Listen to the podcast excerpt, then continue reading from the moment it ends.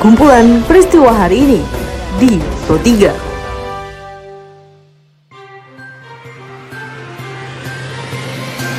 Halo pendengar, saat ini Anda sedang mendengarkan kumpulan peristiwa Pro 3. Pada podcast ini, saya akan mengulas terkait isu-isu aktual yang saat ini masih hangat atau ramai diperbincangkan di sekitar kita.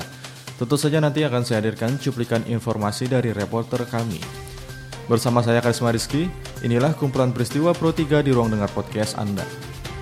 Pendengar, sebelum saya masuk ke dalam beberapa isu aktual yang akan saya hadirkan sesaat lagi, saya akan mengundang Anda untuk mampir ke laman berita kami di rri.co.id. Anda juga bisa memfollow sosial media kami di Instagram, Twitter, dan Facebook dengan mengetik at RRI Programa 3 di kolom pencarian Anda.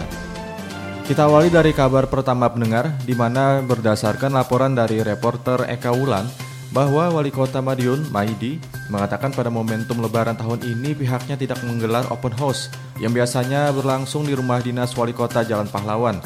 Hal tersebut dilakukan untuk mengantisipasi penyebaran COVID-19. Untuk halal bihalal tidak ada edaran dan halal bihalal kantor atau open house semuanya nggak ada. Itu ya banyak berdoa dan tidak usah keluar kota di rumah saja dan ya eh, bercengkeraman dengan keluarga aja lah. Tidak usah terlalu banyak keluar. Justru Hari Raya Idul Fitri jangan sampai menyambut orang-orang dari luar yang kurang jelas. Akibat dari pandemi COVID-19, momen lebaran di tahun ini terasa begitu berbeda. Tidak hanya di Indonesia, juga semua negara di belahan dunia juga terkena imbasnya. Hal tersebut membuat segala serba-serbi Ramadan yang biasanya dilakukan secara semarak kini tidak bisa berlangsung termasuk sholat Idul Fitri 1441 Hijriah yang mana sholat Idul Fitri dilakukan di rumah masing-masing. Ketua Dewan Pertimbangan MUI Kota Denpasar, Kiai Haji Mustafa Al-Amin, saat diwawancarai reporter Dayu Priska mengatakan ibadah dilakukan di rumah masing-masing tidak menjatuhkan makna ibadah.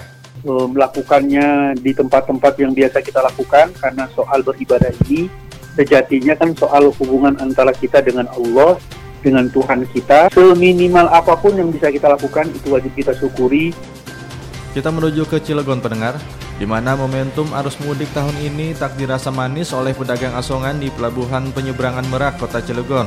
Salah seorang pedagang asongan, Lila, saat diwawancarai reporter Nasruddin Jahari, mengatakan di Pelabuhan Merak mengakui pandemi COVID-19 ini berdampak pada kehidupannya sehari-hari. Sepi banget mas, kerasa. Aduh turunnya drastis. Harusnya udah pegang duit lah buat citra, buat baju anak. Sekarang boro-boro susah, paling 20% banget turun.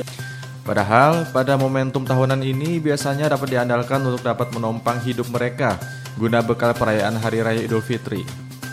Selanjutnya pendengar, kita beralih ke kasus perkembangan COVID-19 di Indonesia.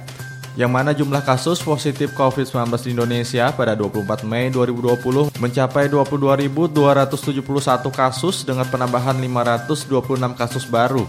Jumlah tersebut diikuti dengan penambahan kasus sembuh baru sebanyak 153 orang, maka angka kumulatif kasus sembuh menjadi 5.402 kasus. Sementara itu angka kematian akibat COVID-19 kembali bertambah dengan 21 kasus baru, sehingga angka kematian akibat COVID-19 berjumlah 1.372 kasus.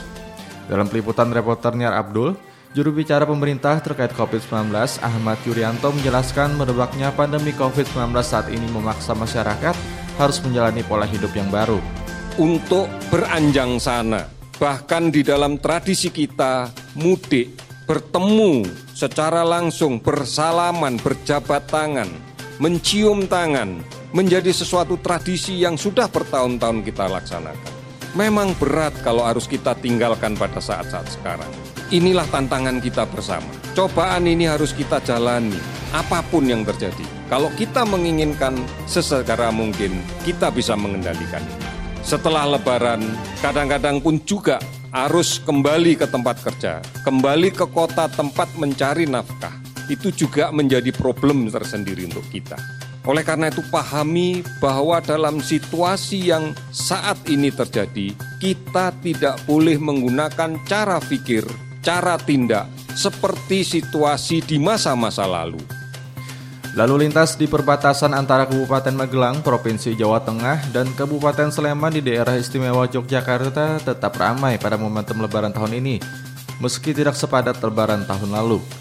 Muhammad Lazuardi, Kasih Dalop selalu lintas pada Dinas Perhubungan Daerah Istimewa Yogyakarta saat diwawancarai reporter Rosihan mengatakan karena sifatnya himbauan semata, aparat tidak bisa melarang masyarakat untuk bersilaturahmi di lebaran saat ini.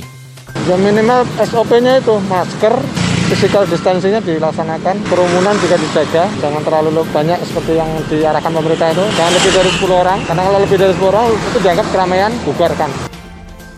Di tengah pandemi COVID-19 ini pendengar, sebagian masyarakat di desa Dharma Tanjung, Kecamatan Camplong, tetap menggelar sholat idul fitri berjamaah, tepatnya di Masjid Sabila Mutakin. Dalam pelaksanaan ibadah, mayoritas masyarakat tetap melaksanakan protokol pencegahan COVID-19, seperti yang dianjurkan oleh pemerintah. Sekda Kabupaten Sampang, Juliadi Setiawan ketika diwawancarai reporter Alvin Wari mengatakan pelaksanaan sholat idul fitri tidak seperti tahun sebelumnya. Tentang bantuan baiknya takbir dan sholat idul fitri saat pandemi COVID-19 mencantumkan bahwa sholat idul fitri, takbir, tahmid, tasbih, serta aktivitas ibadah lainnya sebagai ibadah di bulan Ramadan boleh dilaksanakan secara berjemaah dengan tetap melaksanakan protokol kesehatan dan mencegah terjadinya penyebaran. Tanpa disadari pendengar, hari demi hari kasus baru COVID-19 terus bertambah. Habib Abu Bakar menegaskan untuk seluruh warga Indonesia tetap harus berkomitmen dengan tetap berada di rumah. Dan berikut pendengar petikan rekaman Habib Abu Bakar. Kita masih tetap harus komitmen dengan stay at home ini. Harus dipahami dengan baik. Saya tuh saya terharu sebenarnya melihat saudara-saudara kita khususnya tenaga medis yang mestinya dia adalah tenaga terakhir, tempat terakhir, bukan di awal, negara yang di awal mestinya. Tapi mereka yang banyak berguguran, kita sangat terharu. Kita doakan semoga mereka menjadi para suhada-suhada dan diampuni oleh Allah Subhanahu wa taala. Kita ke kabar terakhir pendengar bahwa Kementerian Sosial bersama Komisi Pemberantasan Korupsi terus melakukan penyaluran bantuan sosial kepada masyarakat yang terdampak COVID-19. Seperti yang dikutip oleh laporan reporter Khairul Umam, Menteri Sosial Juliari Batubara mengatakan keikutsertaan KPK dalam penyaluran bantuan sosial ini ditujukan untuk mengawasi proses penyaluran bantuan sosial sembako agar lebih tepat sasaran. Uh, Bapak Ketua KPK juga untuk sama-sama melihat di bawah bagaimana penyaluran bansos-bansos ya. Uh, saya kira ini bagian dari kemitraan kami di pemerintah dengan Komisi Pemberantasan Korupsi dan juga sejalan dengan instruksi Bapak Presiden terkait agar kami-kami yang ditugasi menyalurkan bansos ini uh, meminta pendampingan. Sementara itu pendengar, Ketua Komisi Pemberantasan Korupsi, Firly Bahuri juga mengatakan bahwa fungsi dari kikut sertaan KPK adalah untuk melakukan pengawasan penyaluran bantuan sosial. Niatan kita adalah satu, bagaimana kita bisa memberikan kepastian bahwa setiap warga negara yang punya hak untuk menerima bantuan itu sampai. Karena pada prinsipnya bantuan itu harus tepat sasaran dan tepat guna dan sampai kepada si penerima. Bila di lapangan ditemukan ada warga yang memang layak untuk menerima, padahal yang bersangkutan tidak masuk dalam DTK, DTKS, maka dia dimasukkan. Begitu juga sebaliknya, kalau ada daftar nama yang masuk dalam DTKS tetapi sudah tidak layak menerima, maka harus dikeluarkan. Pendengar informasi tadi sekaligus mengakhiri perjumpaan kita pada podcast edisi hari ini. Anda masih bisa mendengarkan podcast edisi hari ini dan hari lainnya di Spotify dengan hanya mengetik Pro 3 RRI di kolom pencarian Anda.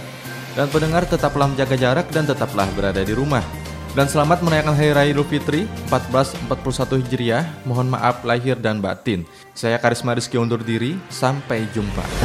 Sejalanan ibu kota DKI Jakarta Kumpulan peristiwa hari ini di Pro 3.